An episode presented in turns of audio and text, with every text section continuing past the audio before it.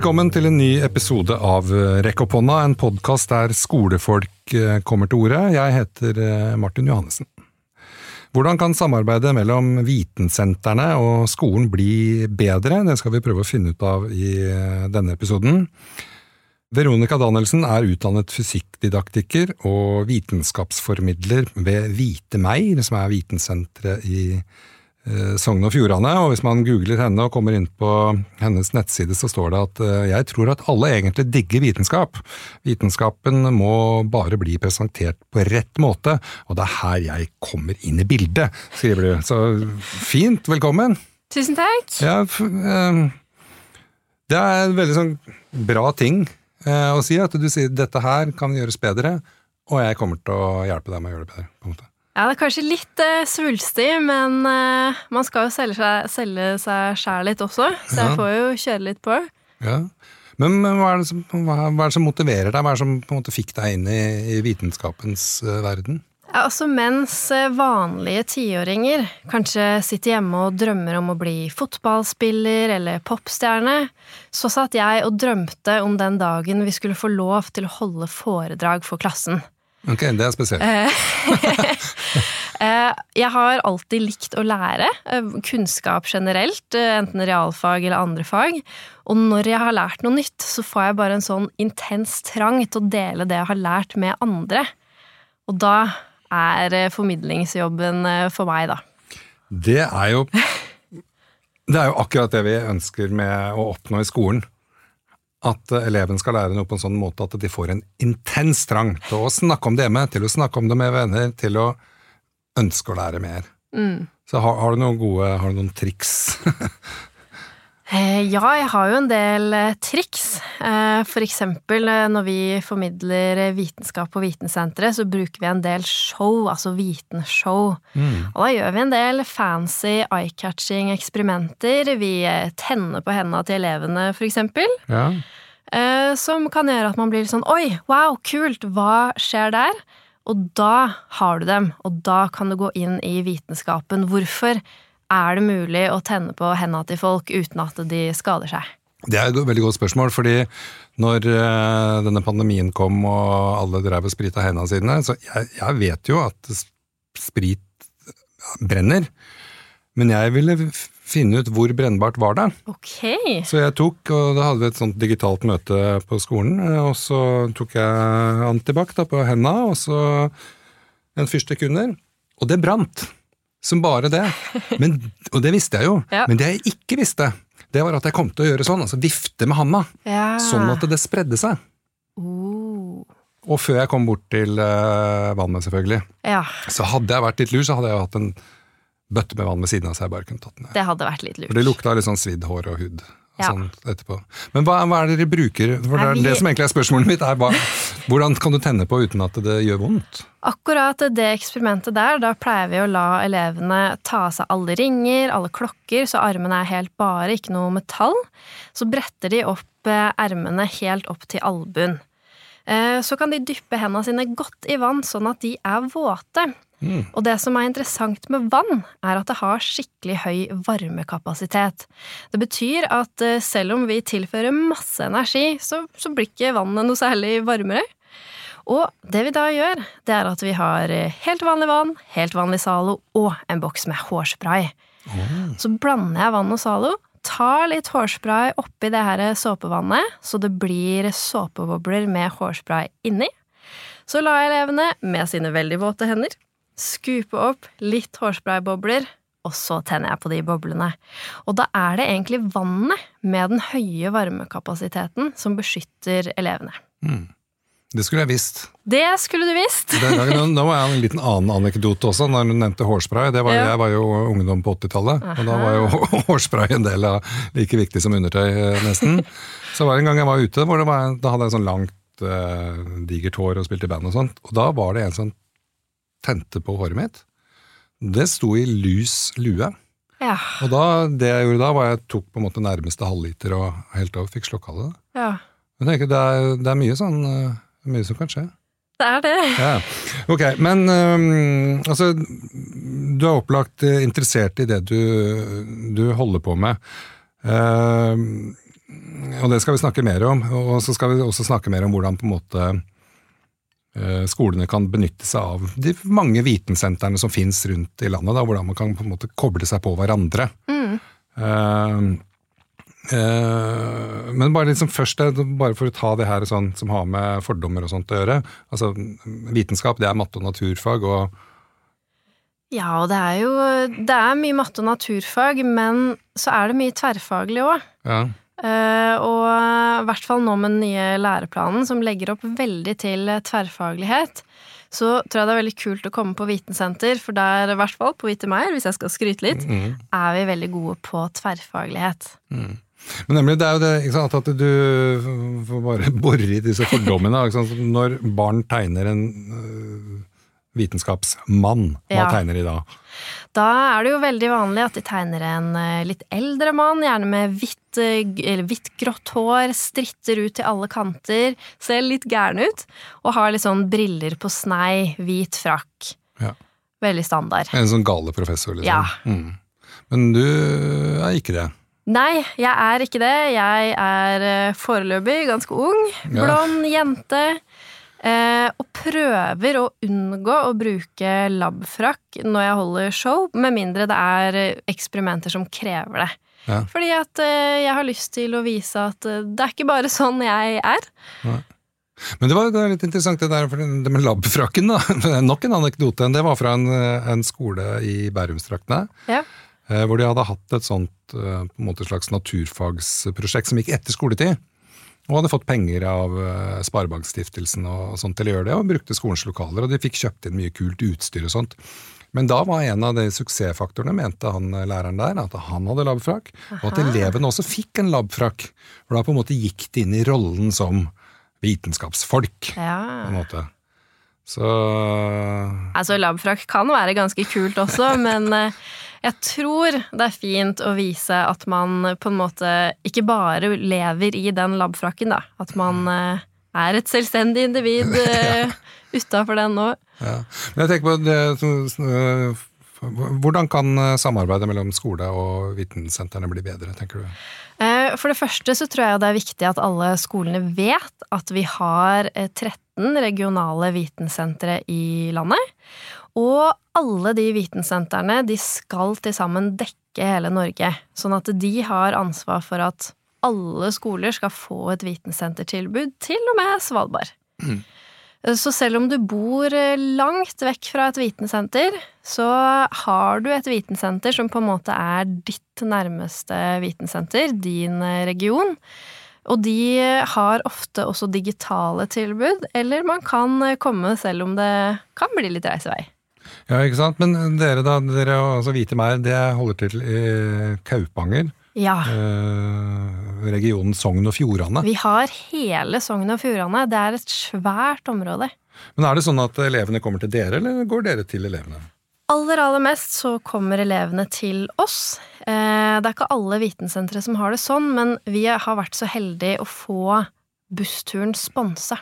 Ja. Så alle elever som vil komme til oss fra langt opp i Nordfjordeid, de får gratis buss. Og da er mye gjort. Ja, det har mye gjort, ja. Ja, nemlig.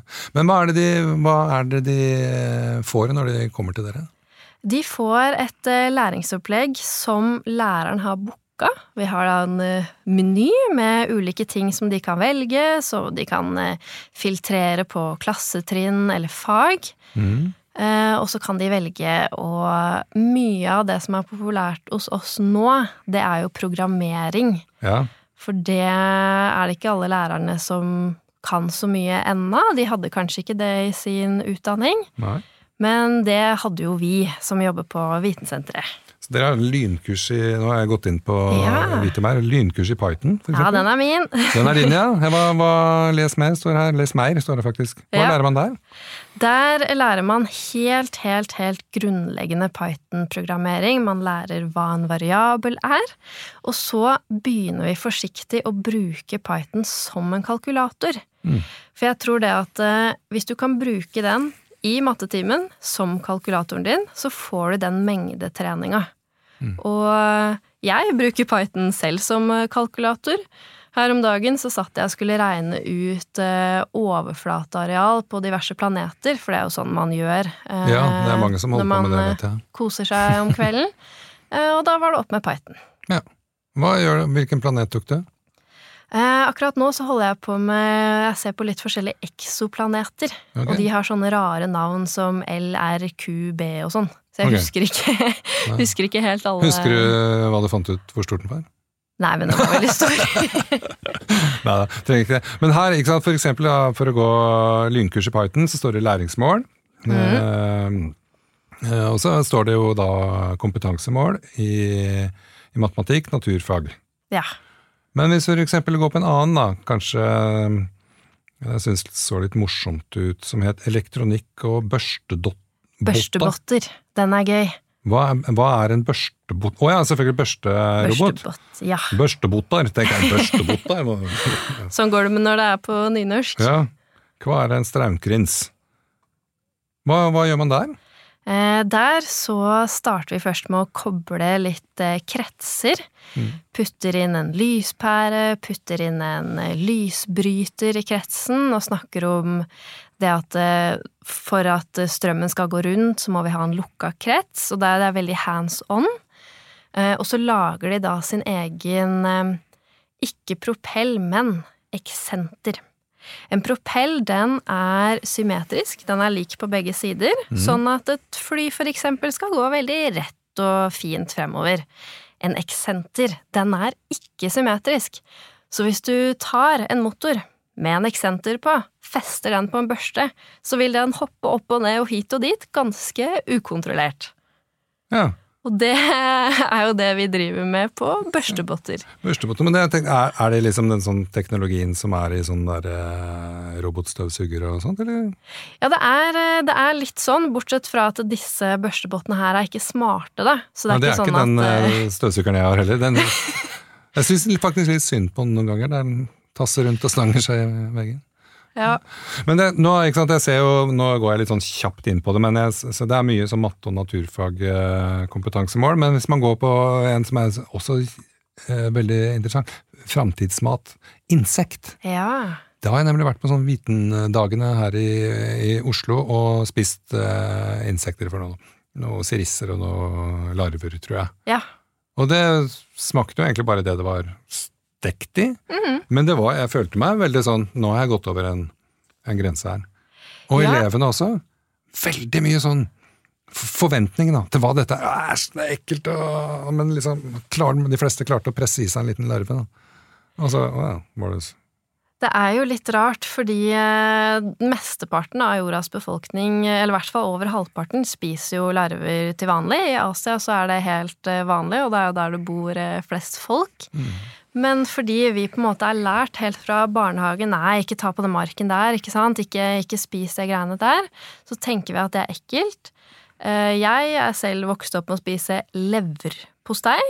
Hvis man tenker over ordet, så høres kanskje ikke det så fristende ut, men eh, det syns jeg er kjempegodt. Ja, jeg også spiser en del leverpostei, faktisk. Jeg syns det er helt tipp topp. Ja. Men der, i, i det opplegget om insekter, der er det jo kompetansemål fra mat og helse, naturfag eh, og matematikk selvfølgelig, men også samfunnsfag. Ja. Norsk. Det er jo, dette er jo et uh, kjempebra. Men det som ligger litt her sånn felles for oppleggene, er at det er noe sånn du har et forarbeid. Kanskje man gjør det før man kommer dit, hva vet jeg. Og så gjør man opplegget, og så er det etterarbeid, så skal man gjøre noe på skolen. Hvordan Ja. på en måte får dere motivert lærerne til å gjøre den delen? Det er jo det som er det optimale. Eh, Jeg hadde litt om eh, den type læringsopplegg i masteroppgaven min også, og da er jo clouet at hvis du virkelig klarer å utnytte forarbeid og etterarbeid, så vil elevene få mest mulig igjen for det. Eh, Men det er veldig ulikt fra klasse til klasse som vi får, hvor eh, mye de har gjort av forarbeidet. Foreløpig så har vi heller ikke noen sånn spørreundersøkelse, så vi vet ikke om de gjør etterarbeid, men vi håper det. Ja, ikke sant? Det, og det tenker jeg, men Er dere sånn på lærerne når de er der? Altså, det, er viktig at dere gjør eh, etterarbeidet, eller kanskje i forkant allerede når de bestiller et opplegg? Ja, At, eh, eh, i hvert fall etterarbeid prøver vi å snakke om. Eh, det som er, i hvert fall hos oss, er at som regel så vet skolene ganske lang tid i forveien at de skal til oss den dagen, men de bestiller kanskje ikke opplegget før en uke før, et par dager før. Så egentlig så rekker de ofte ikke å gjøre et godt forarbeid. nei. Så der, eh, ja, der skulle jeg ønske lærerne var litt raskere ute med å bestille Ja, jeg tenker kanskje at det er litt sånn Det er kanskje litt flåst å si, men har, har du inntrykk av at det er litt sånn fridag for lærerne når de kommer til dere? Ja, der også er det veldig forskjellig. Ja. For eksempel på det her lynkurset i Python, da, så er det noen lærere som er veldig med. De, eh, kanskje de eh, har sin egen PC, de sitter og prøver selv, eller de går veldig rundt og hjelper. Og så har du de som eh, setter seg bakerst i klasserommet og kikker litt på mobilen sin. Ja. det Fy, fy. Det skal man ikke. Man må, de er på jobb. Ja. Ja. Men vi tar ett opplegg til, da. skal vi se. Eller har du ett opplegg som du syns er spesielt bra, eller noe sånt? Eh, Jeg syns at alle oppleggene er bra, da. Ja. Eh, Og kanskje særlig den med børstebotter, som vi allerede har vært litt eh, innom. Jeg er jo også veldig glad i den som heter tyngdesparket. Tyngdesparket, ja. Det hørtes jo Da er det nemlig sånn at vi har en fotballradar på Vitensenteret, hvor du kan sparke ball, og så måler den hvor fort eh, ballen går inn i målet. Og til- fra sparket til Fra den er i nettet, liksom. Ja. Så liksom den høyeste hastigheten rett før den treffer målet. Mm. Eh, og så har vi noe som heter en G-ball. Og det er en ball som du kan slippe ned fra tredje etasje til første etasje, og så tar den tiden på fallet. Mm. For den eh, stopper seg sjæl når ballen treffer bakken. Og det som vi gjør da, det elevene skal få lov til å teste om de klarer å sparke ball hardere enn tyngdekraften. Mm. Så opplegget går ut på at vi skal finne den potensielle energien til den ballen vi slipper. Bevegelsesenergien til den ballen vi slipper rett før den lander. Og bevegelsesenergien til den fotballen som vi da sparker. Og sammenligne hvem av dem som er størst. Men det som jeg syns er det morsomste, er jo selvfølgelig at de skal bruke Python til å regne ut alt det her. Mm. De skal bruke Python som kalkulator. Nemlig. Men eh, hvordan er forskjellen på å slippe en ball og sparke en ball? Eh, det kommer litt an på, fordi noen eh, er jo litt sånn at de dytter eh, ballen litt. Mm. men som regel så tror jeg sparket pleier å vinne, altså. Det gjør det, ja? Det gjør det. For jeg, jeg tenkte at det ville være motsatt, på en måte. ja. Ja, nei, G-ballene våre er nok litt lette. De er lettere enn fotballen, så kanskje hvis vi hadde faktisk sluppet i fotballen, så hadde det vært litt annerledes. Ja, nemlig. Det burde jeg sjekke. Ja. Så det er liksom lik ting, Ja. Ikke? Ja, nei, det, jeg syns det, er, det er veldig morsomt med sånne som deg og, og, og vitensenter og sånn, som på en måte eh, ja, setter seg går, går i dybden på ting, da, og så måte bare gir det som en gave til skolen. Her er det, ta det i bruk. Ja, altså læringsoppleggene våre, de på alle vitensentre, bygger jo på kompetansemål. Sånn at det skal ikke være en sånn tilleggsting som kommer i tillegg til vanlig undervisning. Det skal kunne erstatte en skoletime. Så det er ikke sånn at du å, nå kaster vi bort en hel dag på vitensenter, nå må vi, har vi masse å ta igjen etterpå. Mm. Det skal jo heller komme istedenfor. Mm, ja. Men øh, nå i disse dager så har det vært noe vitenskapsgreier eh, i Oslo, har det ikke det? Ja, det har vært eh, forskningsdager over hele landet, faktisk. Mm. Eh, og så er det nå Ung Forsk i Oslo akkurat nå. Ja. Hva skjer, eller skjedde, på Ungforsk? På Ungforsk da kommer det mange VG1- og tiendeklassinger til Universitetet i Oslo. Og så er de med på diverse De kan være på forelesninger, de kan være på workshops. Og i dag så var det også noen av dem som var med meg på Ja. vitenshow. Og på vitenshowet ditt, hva skjedde der? Nei, der tente jeg jo på litt elever, ja, du tente på Der, elevene, så det er de å glansnummer. er? Ja. Jeg hadde med meg en sånn derre Vandergraf-generator.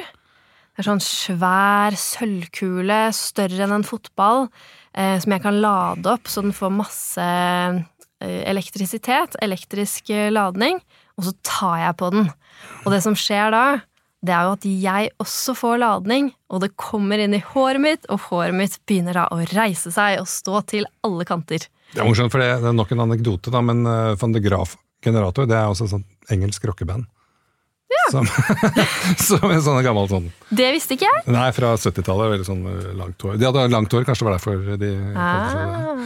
Du, Veronica, vi, vi begynner å, å, nærme oss slutten. Men ja. på hva Nå veit vi litt om hva som motiverer deg, vi vet litt hva man kan finne ut på på Hvite Meir, og sikkert veldig mange eller de tolv andre vitensentrene. Men har du på en måte noe sånn noe du har eh, lyst til å si til lærerne, sånn at de bestemmer seg at ok, yes, jeg bestiller ja. time i morgen?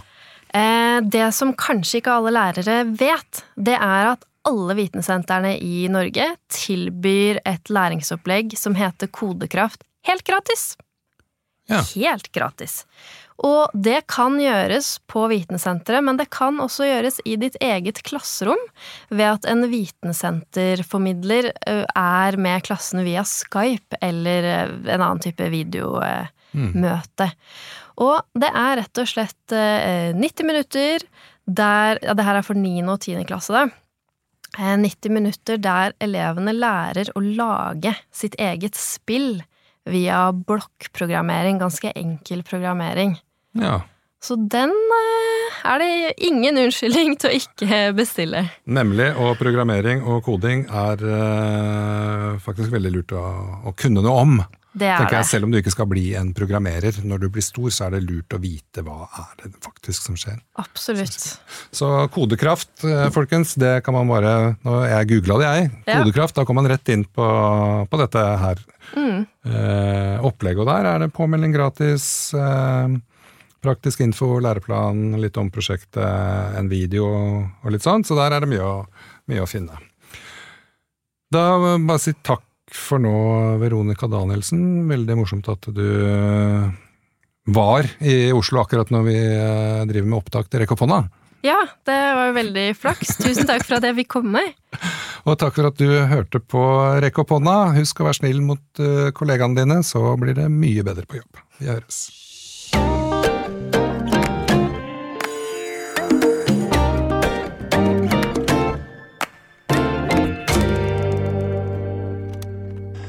Produsert av